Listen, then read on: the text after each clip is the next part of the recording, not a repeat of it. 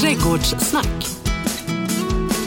Ja, då är vi tillbaka i trädgårdstäppan eh, för sista gången eh, på denna sidan nyår. Annika Mm. Schelin, hur har trädgårdsveckan varit? Alltså ganska sval kan jag säga, men det har blivit en del flyttat och fixat och donat så att Okej. eh, den har varit som den brukar. Ja, okej. Lite jobb ute men alltså det blir mörkt tidigt. Det dyker ju upp eh, massor med spännande människor i den här podden. Eh, och vi har haft eh, Magnolia-Magnus har dykt upp ett par gånger. Ja. Emma Berg var här Ja. sist och julpysslade.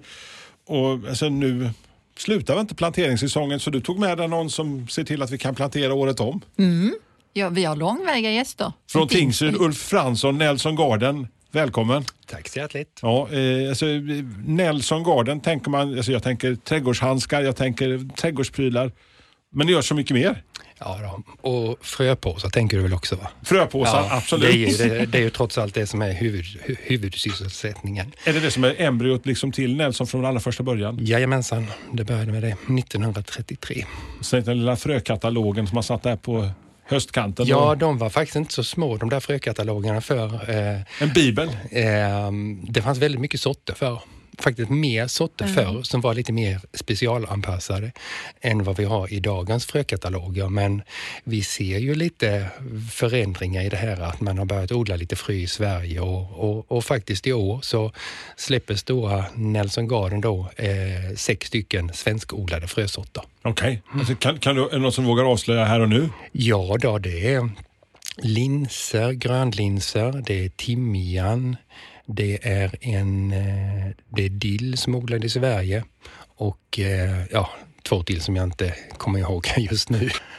Men nu ska vi inte, vi ska inte köra så mycket frö just nu. Det kanske kan börja som ett litet frö, Annika. Allting börjar som ett litet frö, det Ja, vet det gör du väl? Ja, du känner det. till det där med Ja, blommor och och bin och- ja, och människor och så. Ja, ja, så att det. någonting litet är där från början innan man blir Far, stor. farbror kan lite. Ja, vad bra. Ja, vad härligt.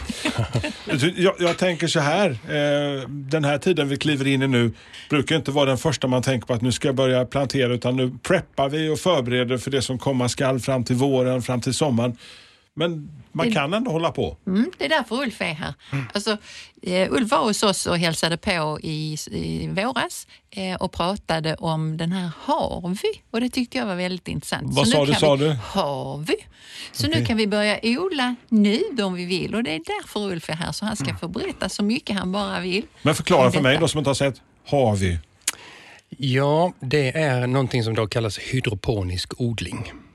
Hydroponisk odling, alltså hydro vatten. Jajamensan, och ponisk betyder arbete. Okej. Mm. Och så där lever ju alltså rötterna lever i vatten och inte i jord. Så där hänger rötterna ner och har då obegränsad tillgång till både vatten och näring.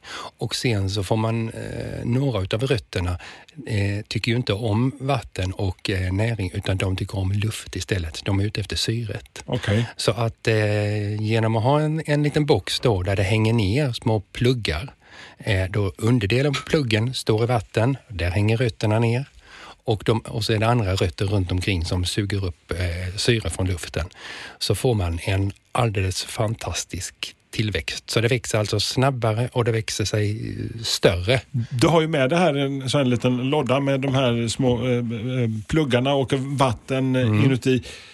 Alltså, är det komplicerat? Är det svårt? Kan man odla vad som helst i de här små lådorna, Ulf? Ja, nästan vad som helst eh, kan man odla. Det vi tycker dock att man ska, ska odla här, i den här som jag har här så har jag två olika sorters sallad. En Lolorossa och en Serbiata. Och sen har jag en eh, pak choi-variant som heter Komatsuna. Som Och- trivs mest med annars i så här Sydostasien annars och sådär. Eh, ja, jo, den, den, det är en asiatisk kolsort. Den, man kan säga den trivs inte under den svenska sommaren så mycket. Den trivs väldigt bra däremot på våren och på hösten och inomhus. Ja. Och tittar vi på de här som, ja du ser ju de här. De här är alltså tre och en halv, fyra veckor. Du skojar? Det är så snabbt det går. Jäklar. Men vad så, det känns ju som en liten, alltså vi ska beskriva, vi kommer lägga ut lite bilder också på vår Facebook och Instagram. Men Det är en låda med lite vatten och så planterar man i de här små hålen, pluggarna som du har. Eh, Men är det, är det allt som krävs alltså hemma? Så är detta, du tar hem din lilla låda och odlar på bara eller? Ja, då, vi säljer ju då alltså, när, när vi säljer den här produkten som eh, Annika sa som, som heter Harvey då. Mm, och det är ju en liten ordlek, men det, det förstår Ja. väl alla. Det går hem även i Göteborg. Ja. Ja. Ja, ja. Så när man öppnar upp den då, så i den så ligger det dels en flaska med näring. Dels är det några små korgar så att det här locket som då har plats för tre stycken hål, så stoppar man ner de korgarna där. Och i de korgarna så är det, finns det då små pluggar som man stoppar i och med den här start, eh, ja, Kiten, så- startpaketet som man köper så är det då tre stycken sallad och tre stycken basilika. Så kan man välja någon utav dem och starta på. Och själv tycker jag väl att när man ska börja på med detta första gången så välj salladen. Ja. Det går fort. Man ser lite resultat direkt. Ja, den kan man alltså börja skörda de första, första bladen av efter tre, tre och en halv vecka. Då har jag genast en fråga nu. Får jag ta den? Ja. Det här med värmen då. För basilika tänker jag ju, om man nu ska ha den här lådan i köket hemma så är det ju förhoppningsvis ganska varmt eh, i ett vanligt kök. Men om jag nu skulle vilja ha det i mitt eh, uterum, eh, då tänker jag så här. Basilikan, ja absolut i köket för att där är varmare. Men pak choyen och, och det andra kanske i ett svalare. Eh, skulle det kunna funka? Ja, det funkar absolut. Ja. Och, och du är inne på eh, en av problematikerna kan vi säga. Man Ja. kan säga anledningen till att vi har både basilika och sallad i denna. En del kommer då till att placera den här på, s- i hög sommarvärme på fönsterbrädan Ja. och då funkar inte salladen så bra. Nej, nej, den, jag tänkte den, det. Den gror inte där. Men basilikan, den jublar. Ja. Och har vi då lite dåligt isolerade fönster, så det är lite kallt och man Mm. sår basilikan på vintertid, det fungerar inte, då, då fungerar inte basilikan så kan bra. bli för svalt för Ja. lilla basilikan. Ja, då. Ja, för jag brukar säga, sätt inte ut basilikan förrän man själv vill sova ute i, liksom, utan sovsäck. Men alltså, det är ju det är fantastiskt. Alltså, just, det, alltså, just nu vi har lämnat den tiden när, när vi har skördat Mm. det sista från Mm. kryddträdgården. Mm. Alltså, nu bor vi ju i Skåne så att man kan skörda ganska så länge, Mm. långt inpå. Men alltså, bara där liksom, fram på vinterkanten och kunna skörda sallad och basilika. Så det Mm. låter ju nästan för bra för att vara sant. De senaste åren har vi ju lärt oss att odla så lite på sensommaren också. Det, det är ju en, en stor trend också Mm, det som, det. som vi märker av i trädgårdsbranschen. I eh, den här, i Harvin, då kan man alltså få pinfärsk sallad och eh, ja, olika salladssorter tycker jag man ska ha. Och här har vi då den, den, den pakojen eller basilika i november, december, Mm. januari och februari.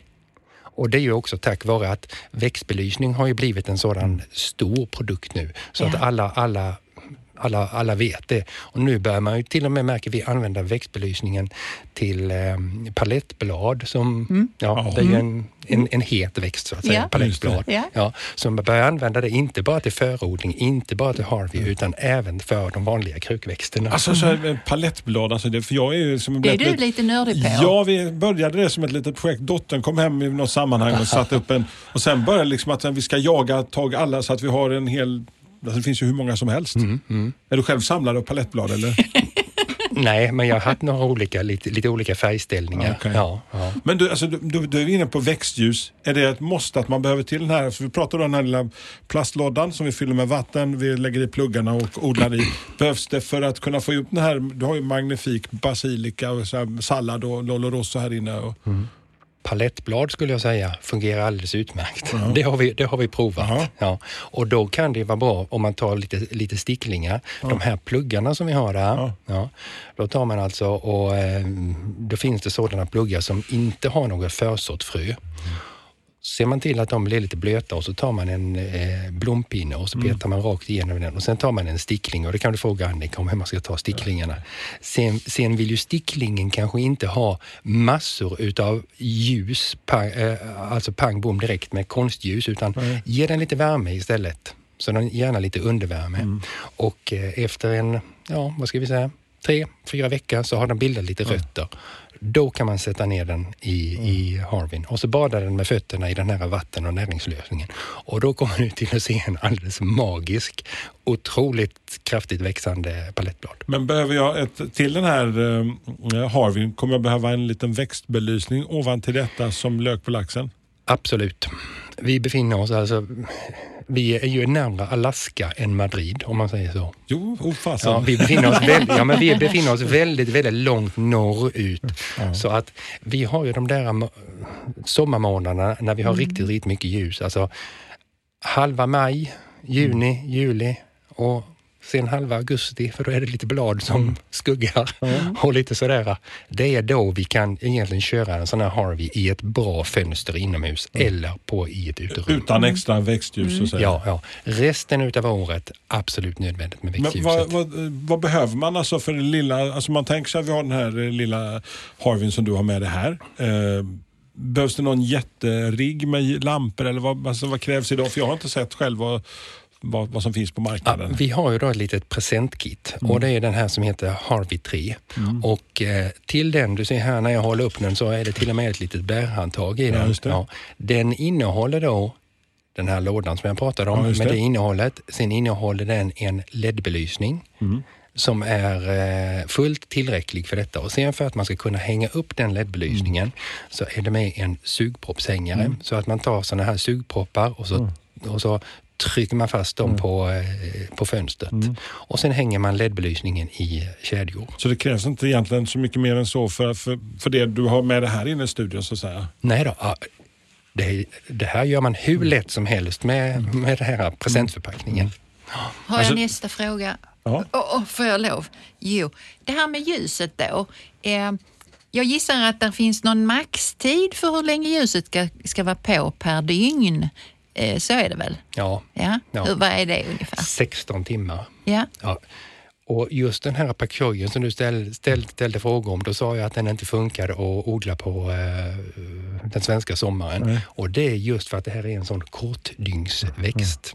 Så den mår bäst av att ha lite lagom med Ja, ljus. inte mer än 16 timmar, alltså 14-15 timmar på en, på en pak choi. Och, eh, Sen kan inte till växten tillgodogöra sig mer, Nej. mer än en, alltså kanske en 16, 17, 18 timmar.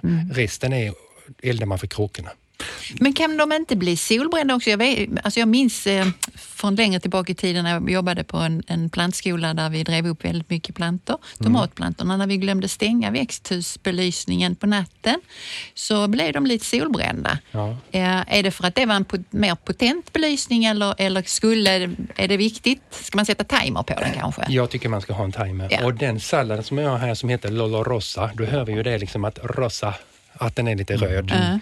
Eh, har, jag en, har jag mycket belysning på denna och belysningen nära, då får jag de här röda bladen. Och Ja, det får ja. jag ju framförallt också ute när man odlar den här sommar. Alltså, så är Lolo Rossa, den är verkligen eh, röd. Är det någon som slarvar lite med detta, har belysningen lite för högt till exempel, då blir den inte så här lite rödstickig. Nej. Och palettbladen kan jag säga, de reagerar mycket, mycket på det där. Så då får man inte den där snygga marmoreringen som Nej. kan vara i dem? Nej, Nej ja, bra att veta. Men eh, eh, det här är ju ett litet grundpaket med tre stycken. Men är det detta, finns det större sådana här lådor du har, eh, Ulf? Som, som ni saluför? eller? Ja då, vi har ju, alltså, vi har ju en, en har vi tre med tre stycken har vi och sen har vi, och det är fyra liter vatten i den med näring. Och i den andra som heter Harvey 6 då, där är det nio liter vatten och där är det då sex stycken hål. Men den är alltså ganska stor och klumpig. Det är väl inte precis något som man kanske ställer i köksfönstret utan det brukar jag säga, den passar bättre i ett eh, utrangerat pannrum eller i en eh, tvättstuga eller kanske i en källare till och med.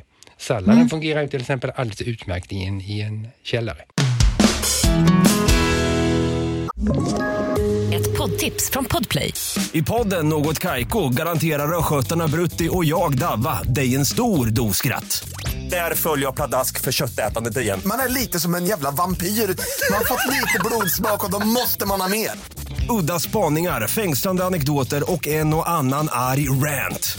Jag måste ha mitt kaffe på morgonen för annars är jag ingen trevlig människa. Då är du ingen trevlig människa, punkt. Något Kaiko, hör du på Podplay. Därför är gardinerna. Men vad är bakgrunden till hela det här liksom sättet att odla och den här, alltså, bara lite kort Ulf, liksom, om, om, om hur, hur, hur, hur den här idén har fötts? För det låter ju verkligen som någonting som 2000-talet vi ska kunna odla lite var till mans, var vi än befinner oss. Det är verkligen inte nytt detta. Eh, Om man säger all sallad som vi köper i butiken idag i, är ju i princip hydroponiskt odlad. Alla tomater som de odlar i de här stora tälten nere i eh, Holland. I, ja, i, och i Spanien, också. Spanien, Ja.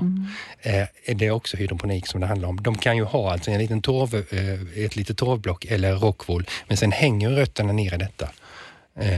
Så det är ingen ny teknik på några sätt och vis. Och de som har utvecklat den här tekniken mest, kan ni gissa vilka det är? Eh, Follow the money, säger jag. Amerikas förenta stater. Ja, det är det. Och vad, vad har de odlat i USA? Som Majs. Det, ja, något som är ännu mer lönsamt att odla. Som är till exempel eh, godkänt i Kentucky nu. Ja, tobak. Marijuana. Marijuana. Ja. Så det är hela den industrin kan vi säga. För fin- Rock'n'roll-tobak kan vi säga. Ja, det kan vi säga. Ja. Ja. Så Nu det, är det, jag. det är de som har sett till så att utvecklingen utav detta har skett. Ja. Ja, men det, är, ju- det är som alltid, eh, att det är de där sidoindustrierna som leder så, på något Ja. vis. Tillbaka till källan då. Jag såg Ja. ett program eh, om Londons eh, gamla skyddsrum långt under London där de odlade då hydroponiskt och med, med belysning. Ja. Så jag skulle, om jag nu hade haft en källare, då skulle jag kunna sätta det i källaren och odla där ju. Oh ja, Ja. det kan man göra. Och man, man kan ju till och med koppla ihop, alltså följer man några sådana här Facebookgrupper så Mm. kan man lätt koppla ihop två stycken eh, eller fler, flera stycken hark.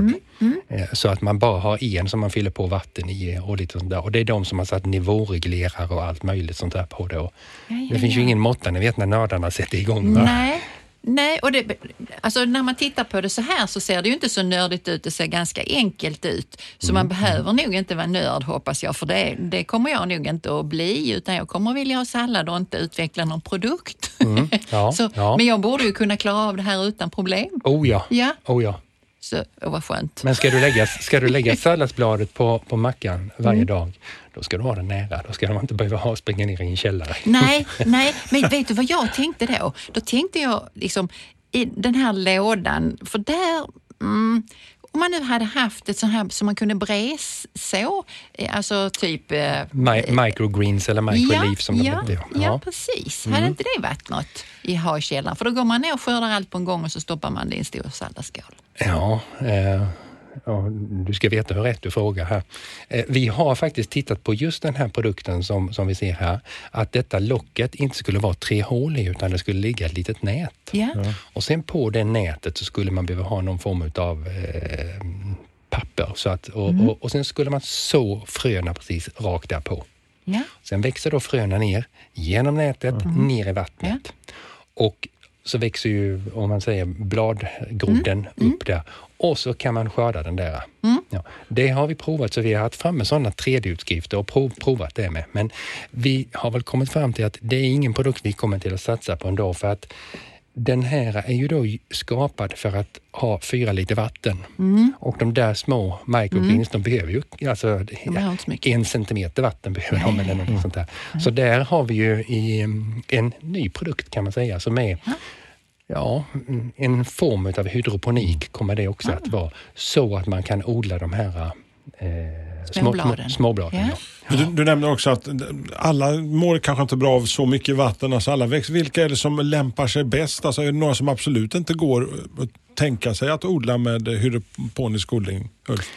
Kaktusar kanske? Kaktusar, ja men de, det, ja, det har vi inte provat. Nej. nej, det verkar helt onödigt Ja, tycker jag. ja, ja. Men däremot så är ju timjan eh, har jag provat. Och, märk, och den, är, den, tycker, den brukar ju ha det torrt och eländigt där den Ja. växer. Men den fungerar faktiskt i en, i en sån här hydroponik. Ja. Ja. Ja. Eh, rosmarin har jag inte lyckats med.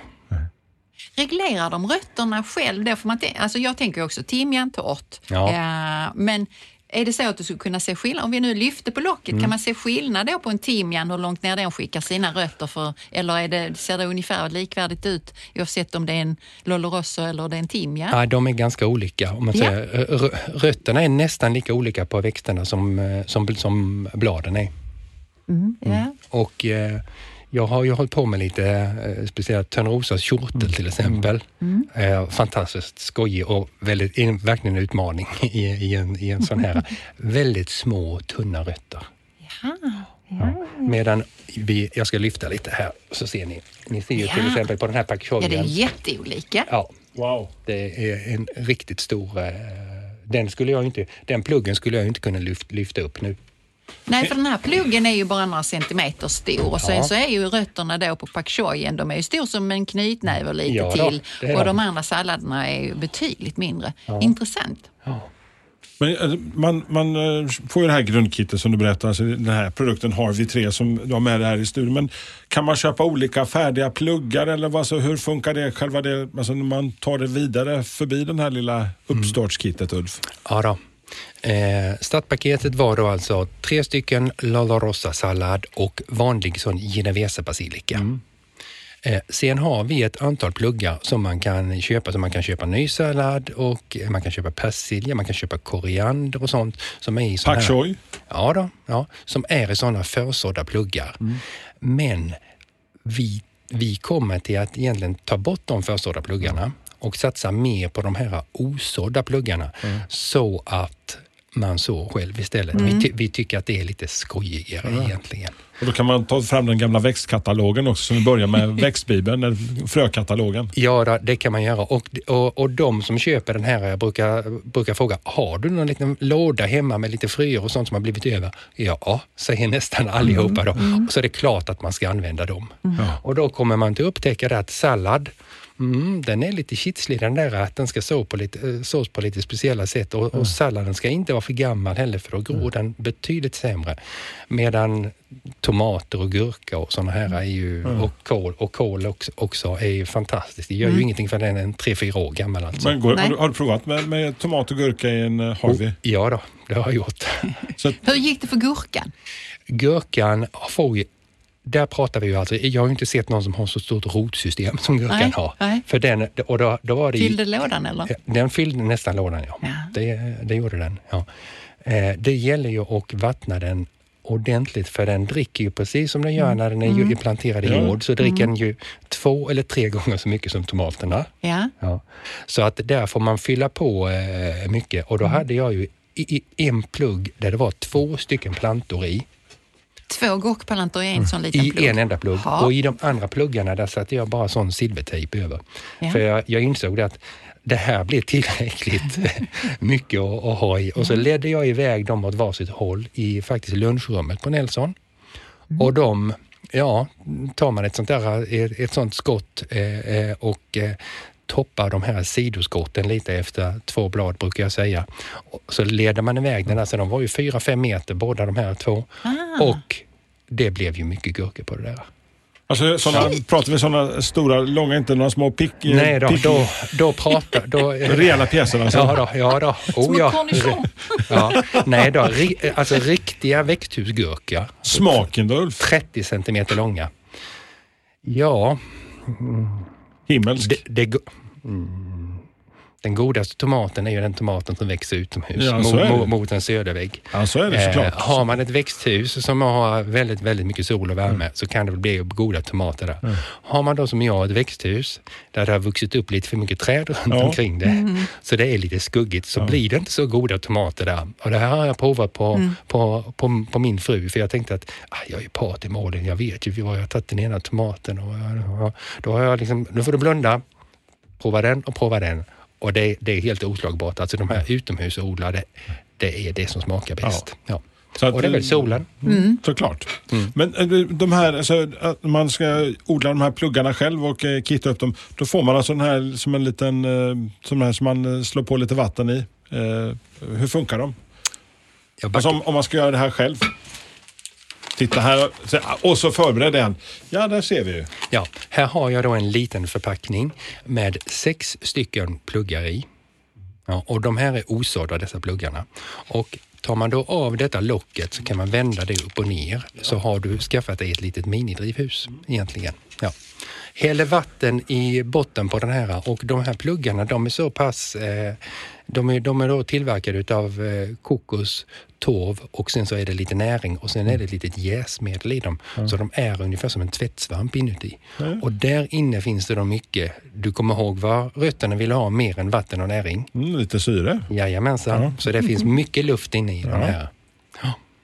Eh, och så där växer det ju eh, väldigt bra. Och, och jag gör ju egentligen alltid så att jag driver upp, jag förodlar egentligen till en Harvey. Ja. Så du har dem i den lilla lådan, den lilla plastlådan Ja. som pluggarna är i Det ett tag tills Ja. de har börjat gro och sen puttar du ner dem i haven. Just det. Ja. Ja. Varför gör du så? Varför, för, alltså, varför sår man inte direkt i haven? För Det att det kan- blir för det- blött eller? Det är lite, lite svårare. Det blir, miljön blir ju lite eh, knepigare så att säga. Mm. Det är svårt att hålla fukten kanske. Eh, står de i ett fönster så kan de då bli utsatta för under, under delar av dagen lite för mycket värme Mm. och då avdunstar de lite mycket. Blir det kanske lite torrt för fröna då. Mm. Står de väldigt eh, kallt och mörkt så kanske det blir lite för fuktigt för Mm. dem. Så det gror bättre om man säger i den här lilla eh, plastbehållaren. Så i konsumentkontaktfrågorna som jag brukar svara på så, säger, så brukar jag absolut rekommendera detta. Ja. Och så får man ju några över. Låt oss säga att man har kört igång sex stycken basilika här. Eh, så använder man tre basilika i Harvin. De andra tre basilikorna, ja, men sätt dem i jord. då. Trycka in dem, ja. ja. Mm. Så, det, det, det eh, låter som att du har slutat att köpa de här små eh, färdigodlade små basilikorna i livsmedelsbutiken utan du har din, du har din egen. Ja, det har jag verkligen gjort. Köper jag någon, någon sån krydda i en eh, livsmedelsbutik så gör jag det för att jag ska ta en stickling i så fall. för det är lite skoj också att- ta sticklingar. Men vad är, det, vad, är det, vad är det mest udda du har sett odlats i en Harvey, alltså nu när ni har haft ute produkten några år? Ja, vad kan det vara? Det är, alltså Törnrosas kjortel som jag själv odlade, det är ganska, den, är, den är ganska udda. Sen är det många som håller på att odla chili och tomater och, och gurka och aubergine och sånt där. Och det- Chili går bra också i denna. Ja, då, det gör det. Med tiden så råkar man ju trots allt ut för ett uppbindningsproblem med de här. Så det är det som är lite utav problematiken. Men vi kommer ju med ett gäng eh, tomater. En tomat som heter Twiggy. En liten småvuxen tomat då som ska passa i en sån här. En benig typ liksom, som Twiggy alltså. Ja, precis. Men det blir tomater på henne. Det, det, det, ja då. Ja. En gul och en röd. Ja. Men inte på samma planta. Nej, Nej. nej. det hade varit skoj. Ja, det hade väl varit. Kan man misslyckas med det här? Vad, vad, är, vad är felet folk gör? Alltså jag tänker, vad är trampminerna här Ulf, man ska ge sig in i Harvey-världen? Ja, det, är nog, det är nog... Naturligtvis misslyckas folk. Eh, De har otur eh, med, med sina eh, pluggar, att, att det kanske inte gror eller något. Det är som jag beskrev förut, att solen tittar in då för, lite för kraftigt vid, vid något tillfälle. Och då kan det vara så att en liten, ett litet frö som har börjat gro, som har fått en liten grodd på sig och sen torkar den lilla grodden in. Då är det ju Då är det kört. Då är det kört, ja.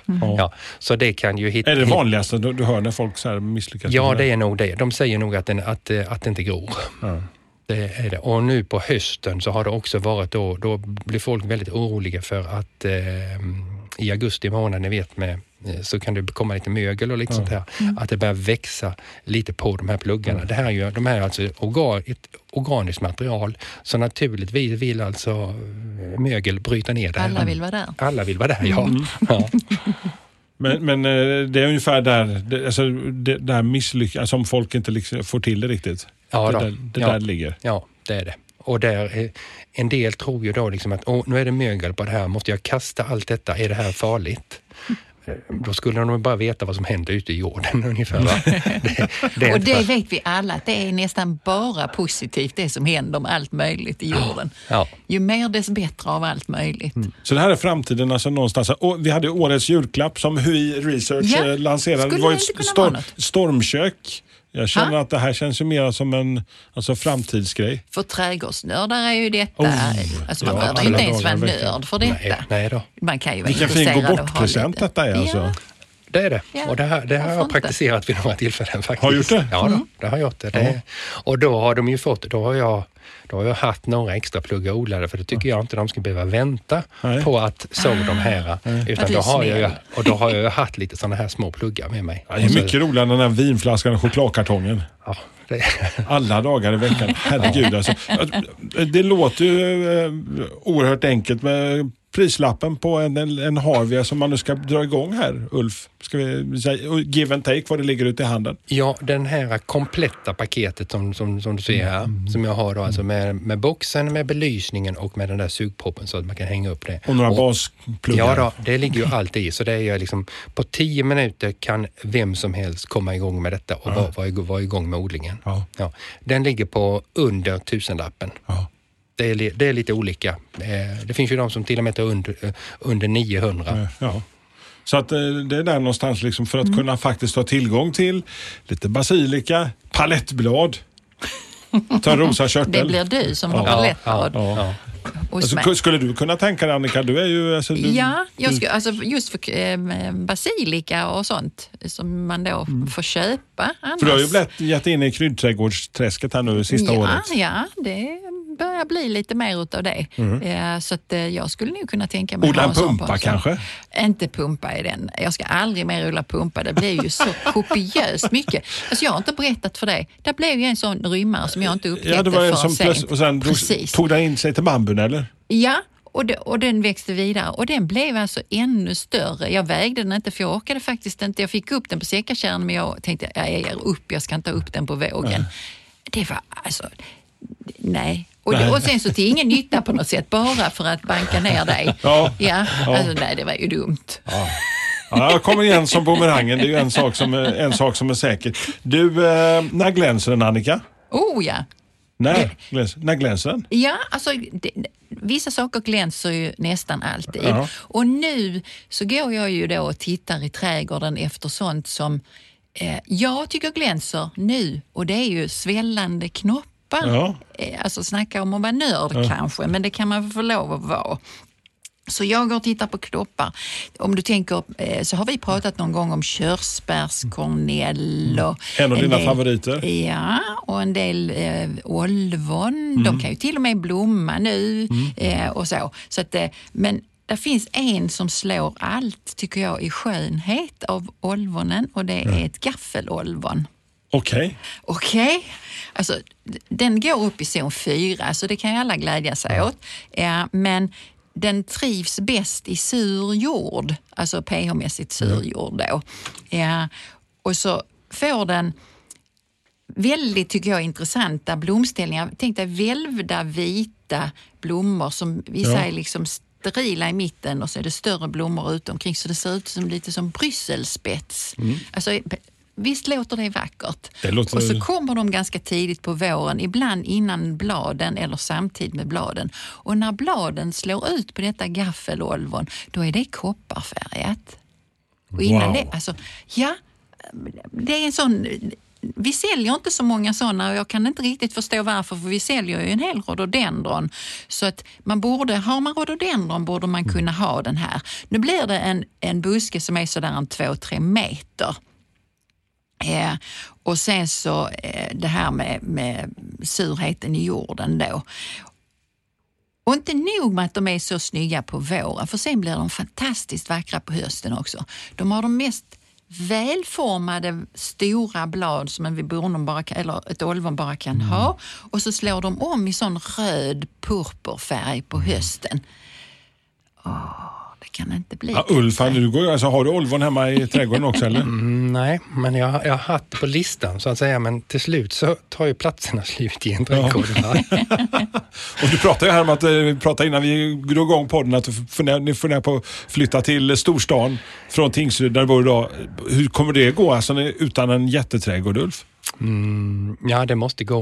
Eh, det, det får vara mindre och exklusivare eh, utav det som... Och så ett par eh, Harvey inne i huset. Ja, för, för det, det ska ni. Ibland så har man varit lite stor på sig och kört lite för, för mycket utav det och planterat för tätt rabatt och haft för många sorter i en rabatt och sånt där. Det är, ja, men, men Du alla är de lite där, samlare. ja, ja, det är, Ja. de där misstagen måste man ju göra för att lära sig. Va? Och det är bara, det, det var skoj. Vad hittar vi på middagsbordet nu Annika Sjölin? Ja, alltså nu hittar vi absolut eh, juldekorationer. Okej, Ja. men det kan man ju inte Och- äta. Jo, Har du alltså ätbara juldekorationer? Jo, man kan absolut äta juldekorationer. Man, alltså låt oss säga nu att vi börjar med, nu ska det bli jul och min jul är ju som sagt var röd. Den Ja, är inte grå, den är inte någonting annat, den är röd. Eh, vilket är lite omodernt, men, men icke desto mindre så blir det så hemma hos mig. Och då så skulle jag ju, för att maffa till det här röda då så att det blir riktigt juligt, så skulle jag nog köpa någonting som var väldigt exklusivt. Eh, eh, och ha liksom kanske bara lite av, som röd amaryllis. Ja. Det finns ju både på lök för den som är, vill återvinna och använda igen, men det finns även som snitt. Och för att det röda ska bli ännu vackrare på bordet så hade jag larmat på med mycket grönt och bara för att kunna äta någonting så hade jag använt grönkål. Oh. Det hade jag däremot inte tagit in så där väldigt lång stund innan. För det kan bli lite speciell doft om man låter det ligga länge. Eh, utan den dekorationen den gör du den hade, kan säga, att den hade inte blivit långvarig hemma hos mig. Kan säga. Den hade åkt ner i någon sallad eller också hade det blivit långkål av den direkt. Ja, men det kan, alltså, nej, inte direkt, utan då kan du ta och göra långkål sen på natten när gästerna har gått hem. För det luktar inte hallon och maräng. Jag vet alltså, den här farsan han gjorde den stora koken back in the days liksom med den stora grönkålskokningen. Han fick ha en liten kokplatta ute i carporten och stå och koka. För det, men det- du ska inte koka, du ska ha den på bordet Jaha. några timmar där. Guldsprayad kanske? Nej, det, alltså faktiskt inte, för jag hade velat använda grönkålen. Okej. Så att då sprayar jag inte den med guld eller om någon skulle vilja äta utav den.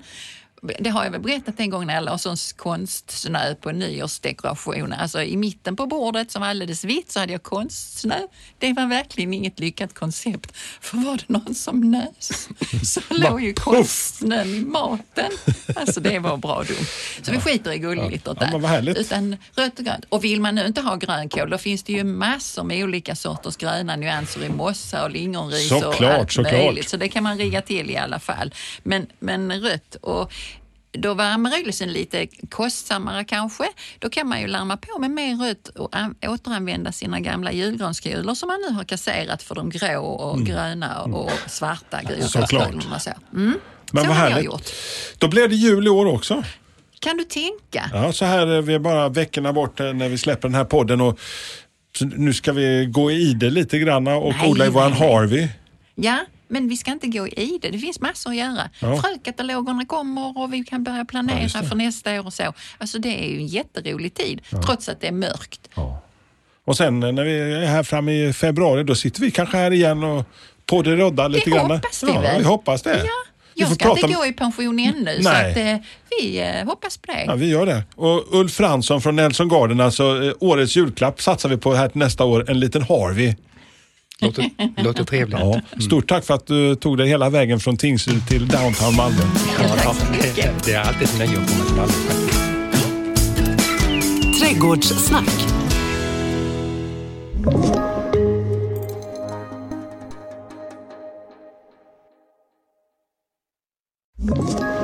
Ett poddtips från Podplay. I fallen jag aldrig glömmer djupdyker Hasse Aro i arbetet bakom några av Sveriges mest uppseendeväckande brottsutredningar. Går vi in med hemlig telefonavlyssning och, och då upplever vi att vi får en total förändring av hans beteende. Vad är det som händer nu? Vem är det som läcker? Och så säger han att jag är kriminell, jag har varit kriminell i hela mitt liv men att mörda ett barn, där går min gräns. Nya säsongen av Fallen jag aldrig glömmer på Podplay.